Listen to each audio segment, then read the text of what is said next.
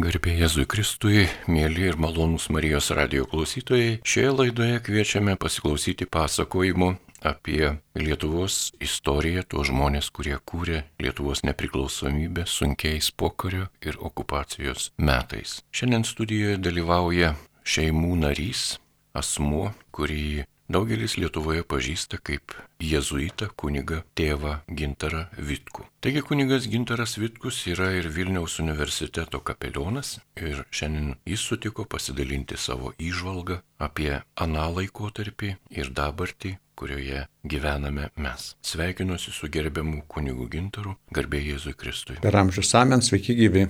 Labai miela, kad turime tokią retą progą, bet realizuotą progą jūs pagauti ir atsikviesti į Marijos radijos studiją, nes dėl užimtumo ir daugybės darbų tikrai nelengva yra prisikviesti tuos žmonės, kurie yra paukoję viską dėl katalikų bažnyčios ir Lietuvos. Daug gražių žodžių ir epitetų šioje laidoje nebus perviršius, nebus pertekliniai, nes kalbėsime apie jūsų artimą asmenį, apie jūsų senelį, pulkininką Kazimiraitį. Taip jį vadino žmonės tuo metu. Gerbiamas kunigė Gintarai, kas tas pulkininkas Kazimiraitis? Ačiū mielas Litaurai, iš ties atėjau į šitą studiją mano senelio Juozo Vitkaus laidotojų išvakarėse iš Tuskulėnų kolumbariumo, jo palaikus į nedidelį karstelį įdėsime ir pervešime į Šventų Jonų bažnyčią,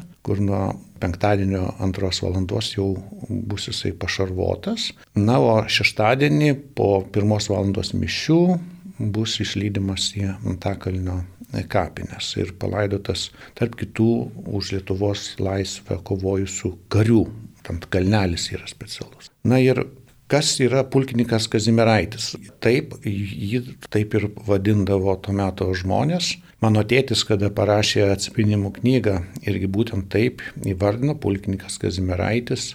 Asmo, kuris, aš manau, yra vienas iš šventųjų. Aišku, jo byla dar net jokio nepradėta ir aš abejoju, ar mes pradėsime, bet e, kiek aš skaitau apie jį, iš kiek prisiminimų gali surasti kitų partizanų, jo laiškus, e, jo sūnų ar dukros prisiminimų. Tai tas vaizdas apie šitą žmogų yra toksai. Yra brandus, išsipildęs vyras, kaip asmuo krikščionis, kuris sugebėjo suderinti na, gilę meilę moteriai, tada imtis savo atsakomybės kaip vyras, šeimos žmogus, susilaukė septynių vaikų, priemė tos moters meilę, kuri turbūt padėjo jam irgi būti gerų karininkų. Ir tada studijose, kurias jisai čia ir Lietuvoje pradėjęs dar 21 metais, vienas iš ketvirta, nu, ketvirta laida yra kariūnų, junkerių vadinamo, kuris dar irgi pakariavo ir nepriklausomybės kovose. Na, o paskiau technikos kursus, karo technikos kursus baigęs ir tada Belgijoje, Bruselėje studijavęs karo inžineriją, vėlgi su nu, gerais įvertinimais baigęs, ten kalba, kad jisai antras po ten princo Alberto taip pat studijavusio tais metais. Tai ta meilė, kurią Genovaitė mylėjo ir kurią jisai ją mylėjo, turbūt darė įtaką jo kaip žmogaus raiškai ir motivacijai. Ir tada tas vad derinimasis, kaip aš kaip žmogus, kuris tada esu ir pilietis, kuris imuosi atsakomybės ir tam tikrą nišą visuomenėje užimu ir tą noriu padaryti gerai, nuosekliai, atidžiai, jausdamas atsakomybę žinodamas, kad kai kurie talentai tik tai man yra duoti, kitiems ne. Ir tada aš investuoju save, žinodamas, kur aš geriausiai galiu pasitarnauti bendram labui. Tai Juozas Vitkus Žemaitis nuo tirkšlių pasirinko būtent karininko specialybę, susijęta su inžinerija, na ir, ir tada derino šitą savo kaip žmogaus veiklą. Ir mes, jeigu prisimename Platoną, Platonas kalbėjo apie kelias, nu, tokius kelis lygmenius, kada tavo kaip mylinčio žmogaus raiška gali pasireikšti. Pirmoji rušis tai ta konkreti meilė erosas, nukreipta į konkretų žmogų, į artimą. Tai aš ir įvardinu, kad mano senelis iš ties kaip vyras mylėjo savo žmoną Genovaitę ir jų meilėje jie būdu augo ir leido jų artumoje atsirasti vaikams.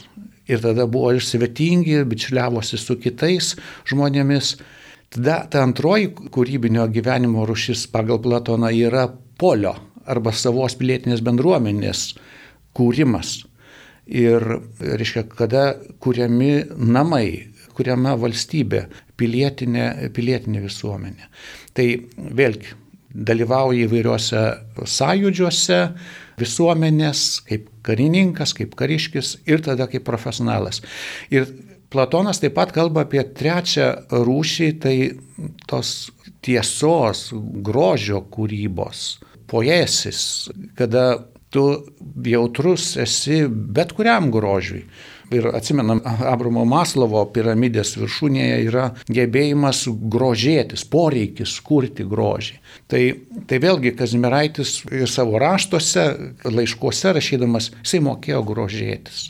Ir tas gražiai reikštis, kalbėti, laiškus jo, kada skaitome, nustebina branda. Ir tada Mane kaip jezuitą labai įkvepia ir aš va, kodėl kalbu, kad jisai yra šventasis. Jisai rašydamas laiškus tiek iš Briuselio, kada jam buvo labai sunku jauti vienatvę, ką tik vedęs vyras, e, palaidojęs pirmgimį, jisai nuvažiuoja jau tada mokytis į, į Briuselį, aistra moteriai, savo žmonai o čia turi ruoštis egzaminams, tai jisai laiškus rašydavo kas 2-3 dienos. Ir jisai tokius laiškus rašo, kad nustembi, kiek kilnumo, kiek gebėjimo reikšti savo jausmą, savo ryšį, savo ilgesį moteriai. Tai ir tada laiškai iš miško, iš partizanavimo laikų, kuriuose tu atminti, kaip jisai tą grožį gamtos jaučia ir kaip tada vertina savo atsakomybę kaip pilietis, kaip žmogus ir kaip šeimos vyras.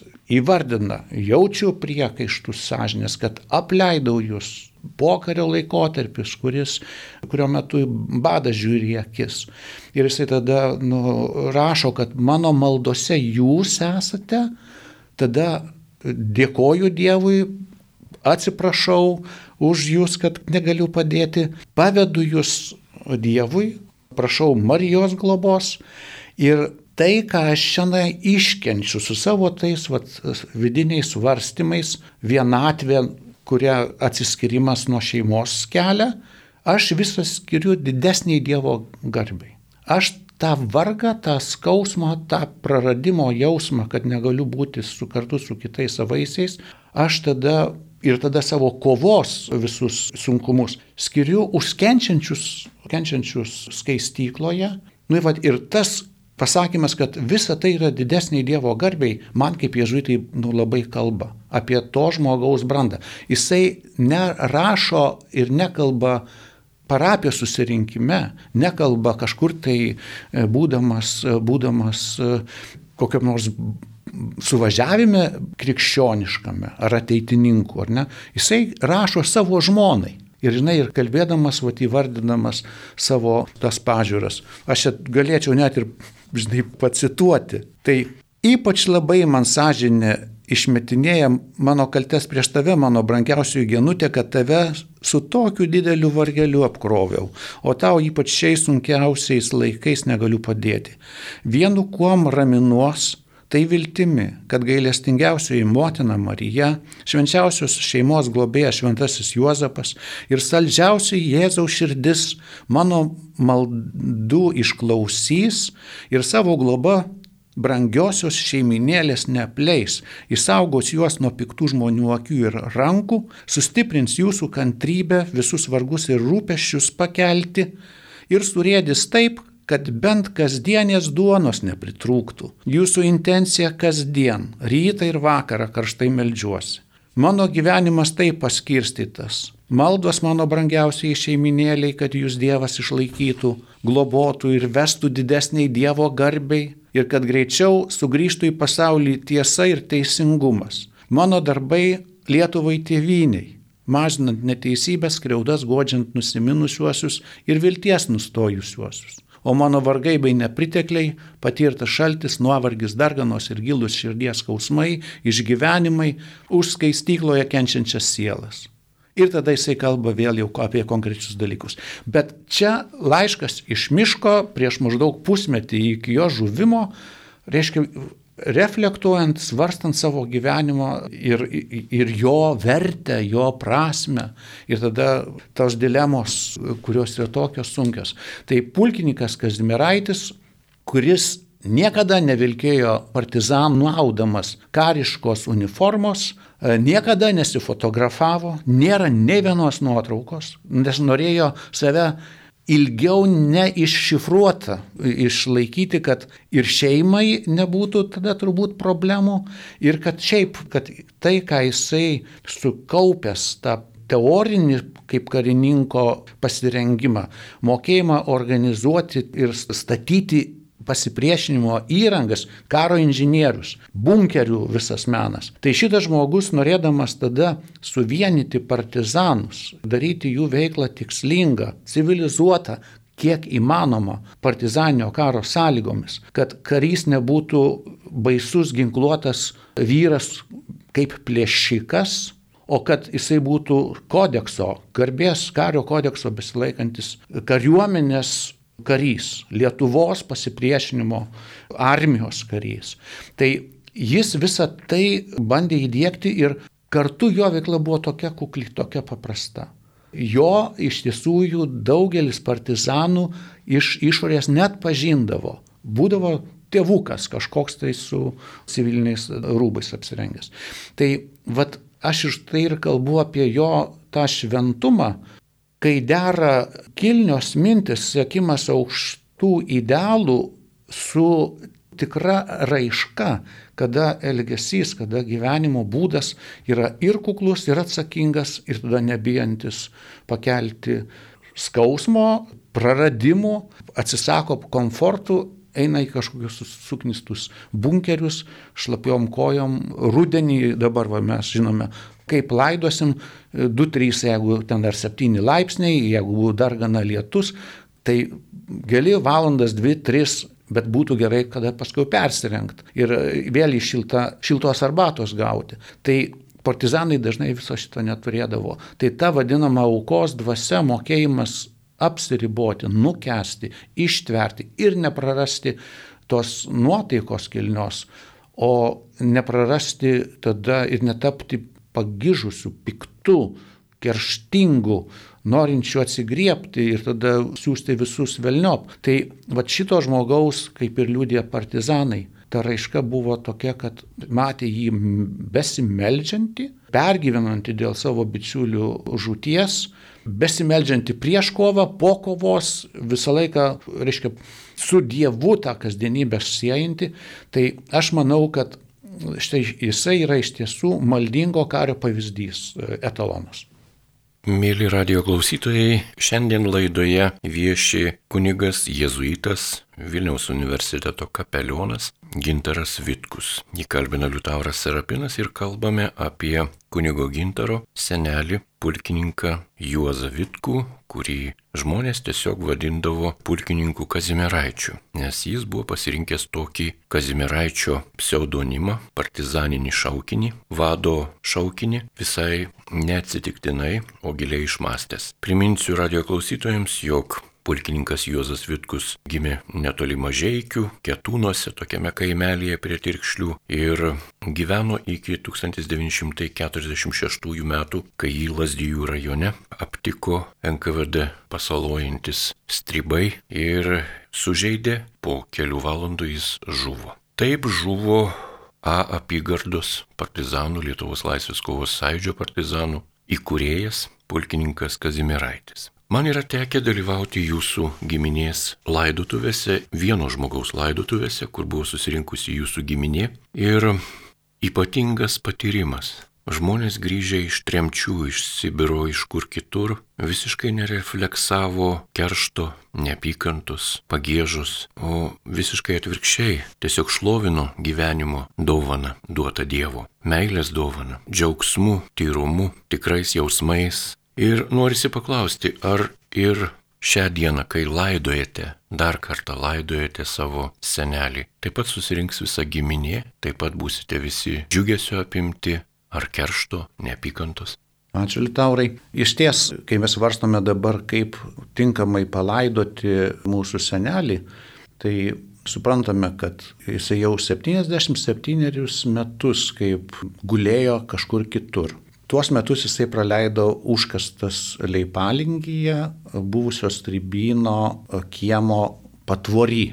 Ir šeima 30 metų, jau kada buvo galimybė ieškoti jo palaikų, ieškojo, kryžių jam pastatė Panemunėje, kapinėse, ten, kur palaidota jo žmona, Genutė Vitkienė. Na ir mes taip visą laiką siekėme nurasti ir tada tas ieškojimas vyko. Tai dabar kas keičiasi? Mes Prieš metus vėlgi archeologai, kuriuos įkvėpė istorikai ir ypatingai viršila Ernestas Kutskailis ir tada ten iš Leipalingio muziejaus Laimutė Žukauskaitė, jie kažkaip tai suorganizavo 18 metais, kada jau Adolfo Ramanausko Vanago palaikus atrado našlaičių kapinėse, tada sako, dar patikrinkim, kas yra leipalingija. Ir ta tokia versija, kad galbūt čianai atrasime ir Kazimiraičio palaikus ir tada vėl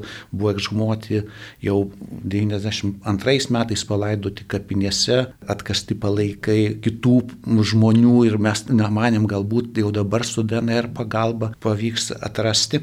Tai nepavyko ir tada laimingo atsitiktinumo dėka, kada jau genocido centras irgi buvo įsitraukęs į paieškas, tai laimingo atsitiktinumo dėka kažkurie tai žmonės, kurie prieš kelis dar metus matė, kad gretimam sklypė buvo vykdomi darbai ir tada pasako, kad žiūrėkit, čia buvo rasta irgi palaikų, kurie nebuvo identifikuoti ir pranešta apie juos. Na ir kad čia, jeigu jūs pakastumėt penkis metrus tolėliau nuo ten, kur jūs dabar kasinėjate, o dar vat, prie pat patvorio jūs galite rasti. Ir tada archeologas Linas Kvizikevičius, kuris darbam vadovavo, tada ir aptiko. Tai ir po kiek laiko identifikavom, kad tai yra iš tiesų mūsų senelio palaikai, nes jo sūnų seilių tas paimtas mėginys, DNR patvirtina e, tapatumą. Ir mes dar tikėjome rasti tada tą trūkstamą 30 procentų palaikų, kurie taip ir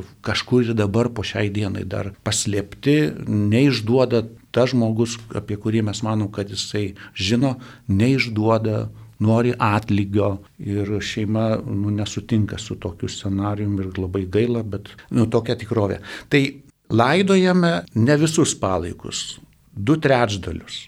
Ir laidojame tikrai žinodami, kad gedulo nejaučiame.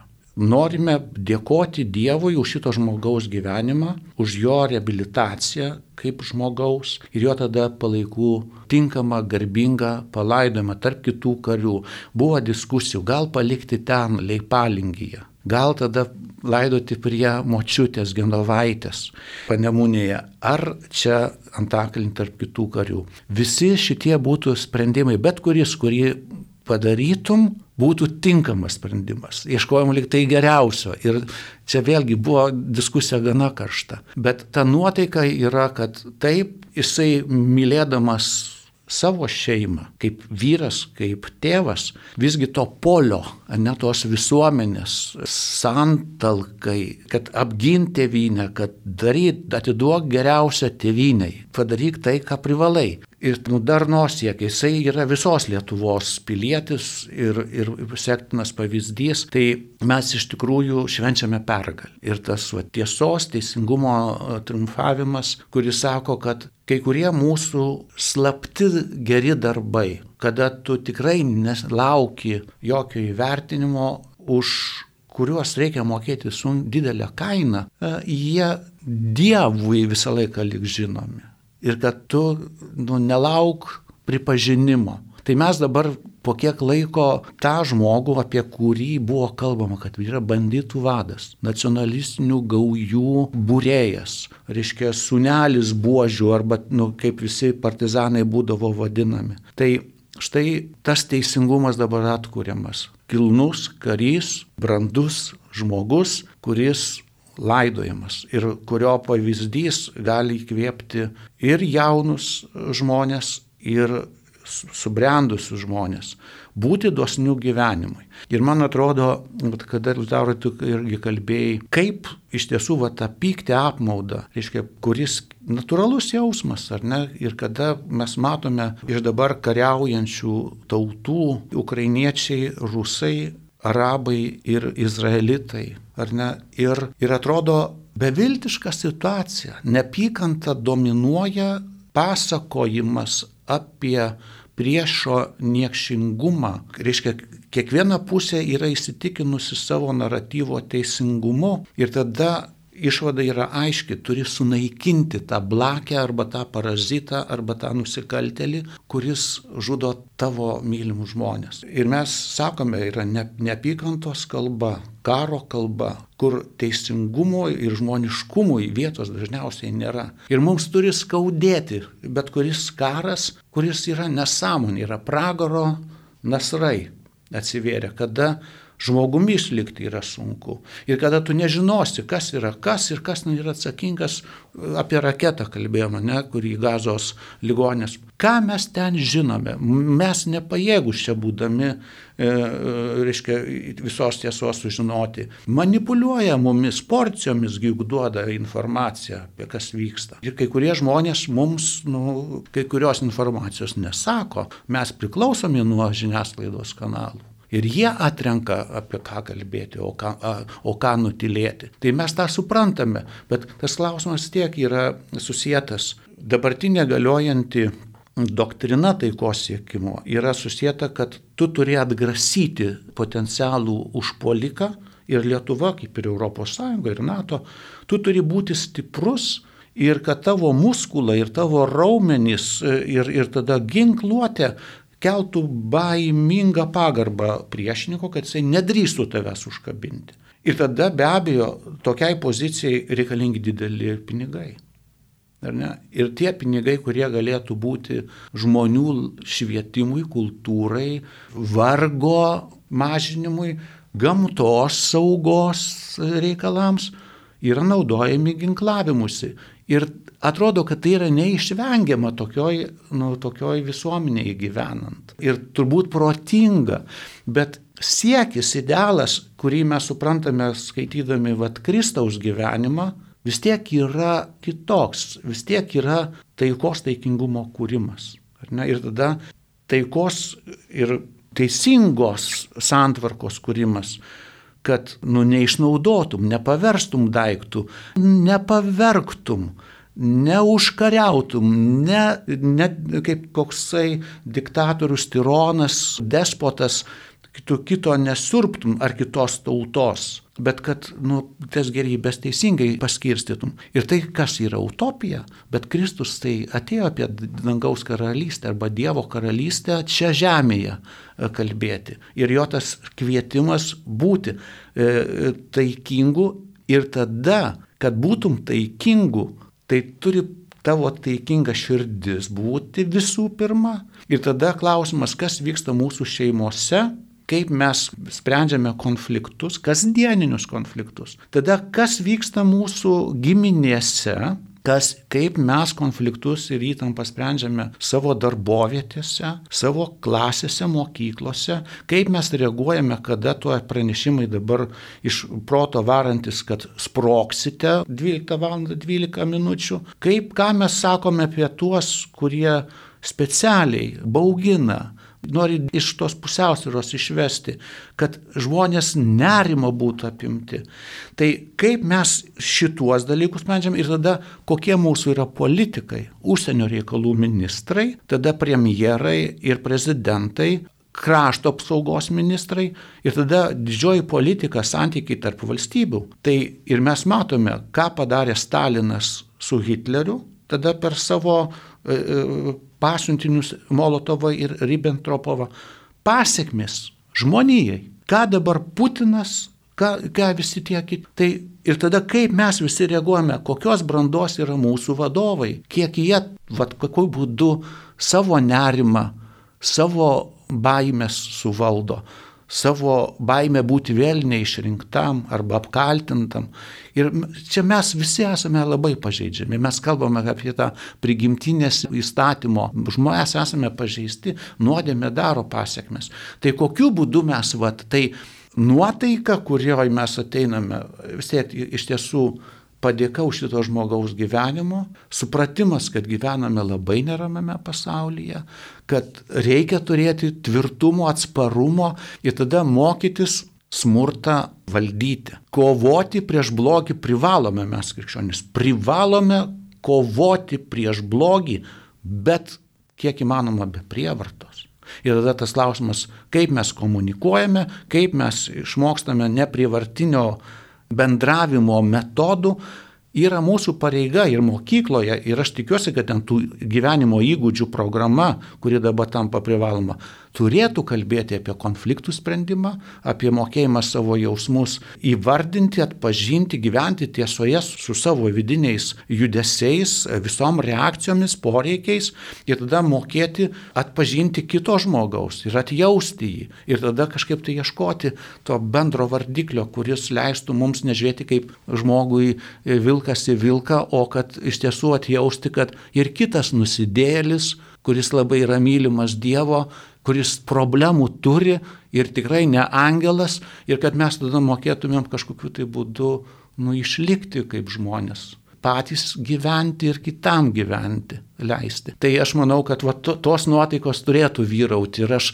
labai dėkingas, labai daug meno srities žmonių, labai daug visuomenininkų ir politikų atsiliepia ir dalyvaus šitoje šventėje. Ir žinau, kad jau va, Jonų bažnyčioje ir vargonininkai, ir smūkininkai, ir kvartetas, ir, ir chorai, ir aktoriai, solistai atsiliepia. Kiekvienas su savo indėliu nori įnešti ir aš labai labai visiems noriu dėkoti, kurie girdite. Ačiū Jums, brangieji, ir, ir iš tiesų turim surenkti šventę, kuri padėtų mums tą kasdienybę, kuri pilna įtampos ir, ir dabar niūrumo ir gamta eina į, į, kaip sako, į apsimarinimą, žiemai rengiasi. Ir tada visos tos žinios apie kainas ir galimas provokacijas. Čia kirpykloje buvau vakar irgi jau sako, bet Ukrainoje tas pats buvo su tom žinutėmis, ne, kad visą laiką, kad sproksite ir, tai, ir pas mus čia dabar. Tai, spantat, žmonės mes visi reaguojame, ar ne? Bet kad šitas laidotuvės kažkaip tai nu padėtų, kad, kad ir kaip sunku būtų, kad mes galime išlikti žmonėmis, ne, ir kad galėtumėm stovėti. Tai jūs tokiam liutaurai nuotaikom, bent aš gyvenu ir aš tikiu, kad didžioji dauguma mane supančių žmonių šitomis nuotaikomis gyvena. Gerbiamas kunigė Gintarai, jūs tikrai esate anukas pulkininko Kazimiraičio, be jokios abejonės. Tai, ką dabar išgirdome mes visi, jūsų tokia apžvalga, na, sakykime, strėlinė apžvalga viso pasaulio aktualijų tikrai tilpo. Manau, kad jūs tikrai turėsite laidotuvių metu visą šimtą nuošimčių savo senelio meilės, savo senelio palikimo, nežiūrint to skaudaus supratimo, jog dėl baisaus, nežmogiško priešo poelgių net ir palaidoti ne viską galite bet jūs turite apstybę savo senelio maldų pasiekmės, net ir savo asmenyje, ką ir rodo jūsų kalba. Čia ne komplimentai. Čia tik raginimas radio klausytojams, kurie girdi šią laidą, ne gaišti laiko kasdienybėje, o eiti į pulkininko Juozo Vitkaus atminimo įamžinimą, kuris vadinamas dabar yra laidotuvėmis. Ateikite visi, ateikite kariuomenės kadetai, ateikite savanoriai, ateikite šauliai, ateikite ateitininkai, nes jūsų kaip ateitininkų pareiga būti šalia savo draugo ateitininko kunigo gintaro. Ir ateitininko Juozo Vitkaus, telšių gimnazijos ateitininkas. Būtent. Ateikite gydytojai, medikai, slaugės, nes jūsų pareiga būti šalia daktaro Gintaro Vitkaus. Ateikite Vilniečiai, ateikite Žemaičiai, Aukštaičiai, Dzūkai. Kauniečiai. Be jokios abejonės. Labai patogus susisiekimas. Kad neužgultumėte magistralės, keliaukite traukiniu. Galima užsakyti papildomus reisus. Ir tai yra gerai, tai yra džiugu. Man teko dalyvauti ilgiau, na, įdėmiau stebėti generolo Adolfo Ramanausko Vanago, taip pat jūsų, na, senelio bendražygio, bičiulio laidotuvėse. Ir nesibodėkim pasakyti tiesos. Netėjo moksleivyje, nebuvo. Vilniuje jis buvo pašarvotas Šventų jaunų bažnyčioje, vėliau arkikatedroje. Graudu buvo žiūrėti, nebuvo moksleivijos. Mokyklose vaikai sėdėjo prie pamokų, o tokios pilietinės pamokos neturėjo galimybės regėti. Manau, kad mokytojai, klasių auklėtojai, direktoriai gimnazijų, progymnazijų turėtų suteikti galimybę ateiti moksleiviams ir pamatyti tikrą gyvą Lietuvos patriotizmo pamoką. Taip tampama patriotais. Ne vien skaitant geras knygas, ne vien bendraujant su gerai žmonėmis, bet ir dalyvaujant realybėje. Kažkai ar be bus dar kokių galimybių taip gyvai prisiliesti prie šaknų Lietuvos laisvės kovos sąjūdžių. Todėl raginu visus, visus, visus lietuvius, kurie bebūtų, dalyvauti šioje iškilmėje, palydint Lietuvos didvyrio, o kaip jo anukas sako, tikrai švento vyro žmogaus palaikus į ramybės vietą. Liko dar laidos ir daug ko norisi paklausti. Vienas iš tokių klausimų, kurie nėra populiarūs. Kaip jums atrodo, ar, na, ta kova, kurią tokiom sunkiom sąlygom tęsė jūsų senelis, o vėliau tėvai tremtise, persekiojimuose, suvaržymuose, įvairiuose, na, negerbimuose ir taip toliau. Ar ta kova, ta kaina yra pakankama, ar mums dar reikės kentėti? Ar ta iškovota laisvė yra pakankama, ar čia tik laisvės tokia iliuzija, ar Lietuvos nepriklausomybė yra pakankama, ar ji yra tokia tik tais dalinė? Kaip jums atrodo? O Liutaurai, čia tas sudėtingas klausimas - mūsų laisvė, nepriklausomybė, saugumas. Ir tada suprantame, kad nepriklausomybė valstybės, valstybingumas yra susijęta su jos piliečių gebėjimu būti laisvu, atsakingu, prognozuojamu, patikimu ar ne, ir kuris, kad būtų ištvermingas, nereikalautų, kad viskas būtų užtikrinta, pateikta, kad valstybė viską laiduotų, kad jo teisės būtų tik tai pildomos, ar ne, ir tada aš ir gyvenu kaip toks lepus šiltnamio augalėlis ir tada man laisvės tik tai yra vaisiai saldus teikiami ir aš gyvenu pilnatvėje, saugus ir fiziškai, ir emociškai, psichologinis komfortas. Ir Be abejo, aš dabar dirbdamas Vilniaus universitete kaip kapelionas priklausau bendruomenės gerovės skyriui, kuris rūpinasi, kad iš tiesų mes galėtumėm nu, užtikrinti visiems bendruomenės nariams gerovę. Tas klausimas, kaip supranti gerovę. Ir, ne, ir ką reiškia gerai gyventi ką reiškia būti laimingu ir gyventi pilnakrauji žmogišką gyvenimą. Tai mes suprantame, kad ne, ir jau, jau mūsų krikščioniška teologija sako, mūsų prigimtis yra labai gera, Dievas labai gerai mylėdamas mūsų kūrė. Ir pasaulio sąranga yra labai gera, bet jinai yra pažeista. Ir sakome, nors jau, nu, vat, mes, kada krikščionis kalbame apie Kristaus vaidmenį, jisai atėjo mūsų išgelbėti, jisai dangaus karalystę pradėjo kurti ir tai buvo naujas etapas prieš 2000 metų prasidėjęs ir jisai tęsiasi. Pats Kristus pakvietė mus bendradarbiauti, ne vienas viską užtikrino, vieną kartą visiems laikams, iš karto mokinius telkė suprasdamas, kad dangaus karalystė prasideda nuo širdies, vidinės mano, ir tada tarp žmonių, dangaus karalystė yra tavyje ir tarp mūsų. Kristus netėjo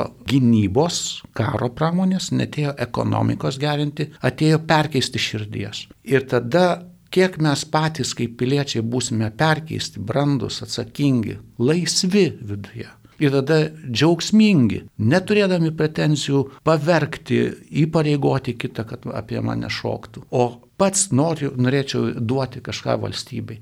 Tai aš manau, kad tada mes galime būti ištvermingai keliaujanti tauta, mokanti atsispirti provokacijoms, sunkumams ir nekeikti valdžios ir priekaištauti, kritikuoti mūsų pareiga, ne idealas, nėra angelai, politikai, bet kad mes visą laiką nepasiduotumėm tai pagundai tik tai kritikuoti, kaltų ieškoti ir rodyti pirštu, O mes vis tiek turime būti reiklus ir politikams, ir balsuodami tą reiklumą parodom, bet kartu turėtumėm savo būti reiklus. Ir tada kažkaip tai ta, tai aš manau, kad tada ta gerovė atsiras. Bet kada Liutaurai kalbėjo apie irgi apie Ramanauską Vanagą, apie jaunimo dalyvavimą, ir tai yra didžiulė problema.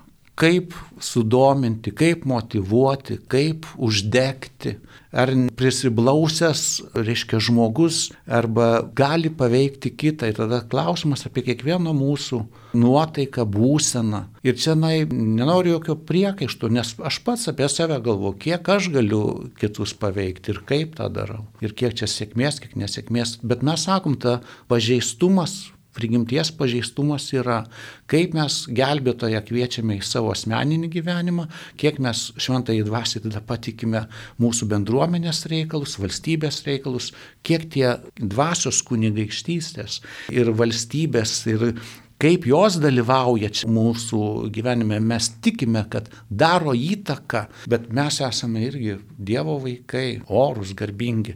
Tai Ramanauskas Vanagas apie mano senelį yra taip pasakęs, jie kartu pradėjo. Juozas Vitkus Kazimiraitis buvo pulkininkas, leitenantas su patirtimi ir kvalifikacija ir Ramanauskas iš tikrųjų laikė, kad jisai mokytojas yra buvo. Ir ką jisai rašė? Kartais ištisas dienas bunkeryje būdavome tik su Kazimiraičiu. Poilsio valandėlėmis labai nuoširdžiai ir atvirai pasikalbėdavome. Tų darbo ir poilsio valandų niekuomet nepamiršiu. Daug ko aš pasimokiau iš Kazimiraičio ir jis man tapo darbo kelrodžių vėlesnės, vėlesnėje partizaninėje veikloje.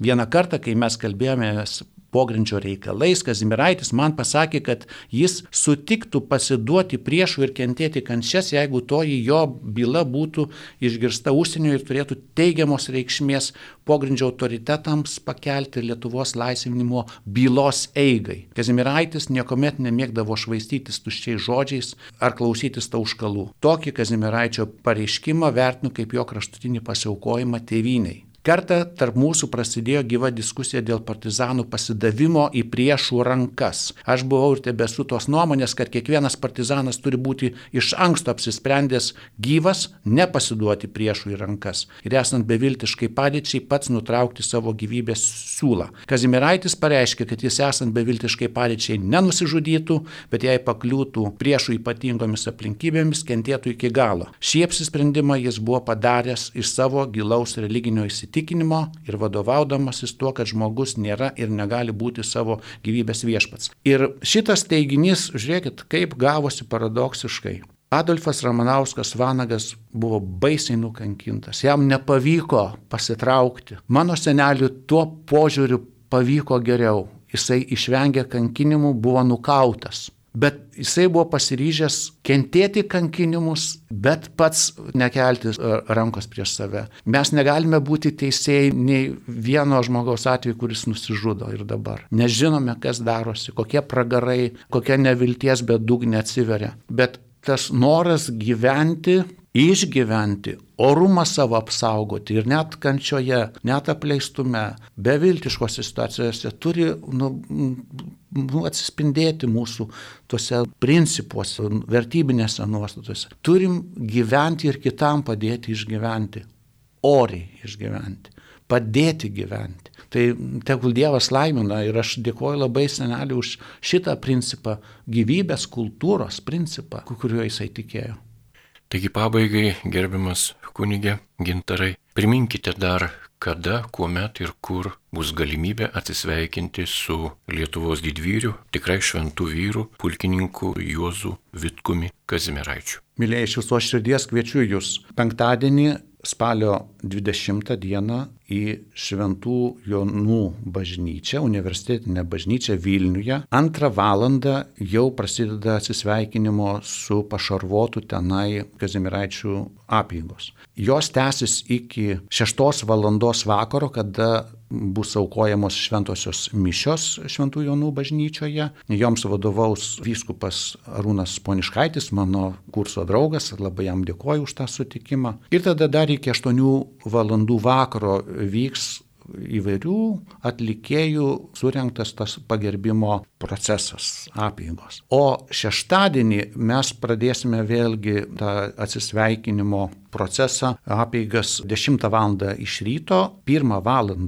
bus šventosios mišios, kuriams vadovaus arkivyskupas metropolitas Kestutis Kievalas iš Kauno ir tada jį antrą valandą išlydėsime iš Šventų Jonų bažnyčios ir lydėsime į Antakalnio kapines. Bus važiuojama mašina, o paskiau ten jau Antakalnyje bus nešamas karstas. Tai labai labai visus kviečiu. Dėkojame Jums, gerbiamas kunigė Jėzuitė Gintarai, už pasakojimą apie savo kasdienybę. Šiandien yra vainikuojama Jūsų senelio gyvenimo garbės vainiku. Dėkojame Jums už tuos nematomus darbus, kuriuos padarėte iki šios dienos, kad šiandien galėtume triumfuoti tiesoje, meilėje ir tikėjime. Dėkojame jūsų artimiesiems, jūsų šeimos nariams, jūsų kolegoms, vienuoliams, kunigams, kurie kartu su jumis kasdieną eina į kovą, į kovą dėl kiekvieno žmogaus, kiekvieno Dievo kūrinio. Taigi šiandien laidoje apie pulkininką, leitenantą Juozą Vitkų Kazimiraitį, jums, mėly radio klausytojai, pasakojo pulkininko anūkas, kunigas, gydytojas, ateitininkas, pedagogas, jėzuitas Gintaras Vitkus, Vilniaus universiteto kapelionas. Įkalbino Liutauras Serapinas, ragindamas nepraleisti šios nuostabios Dievo duotos progos būti tiesoje ir garbėje, palydint pulkininką Juozą Vitkų Kazimiraitį į ramybės žemę. Likite ir toliau su Marijos radiju.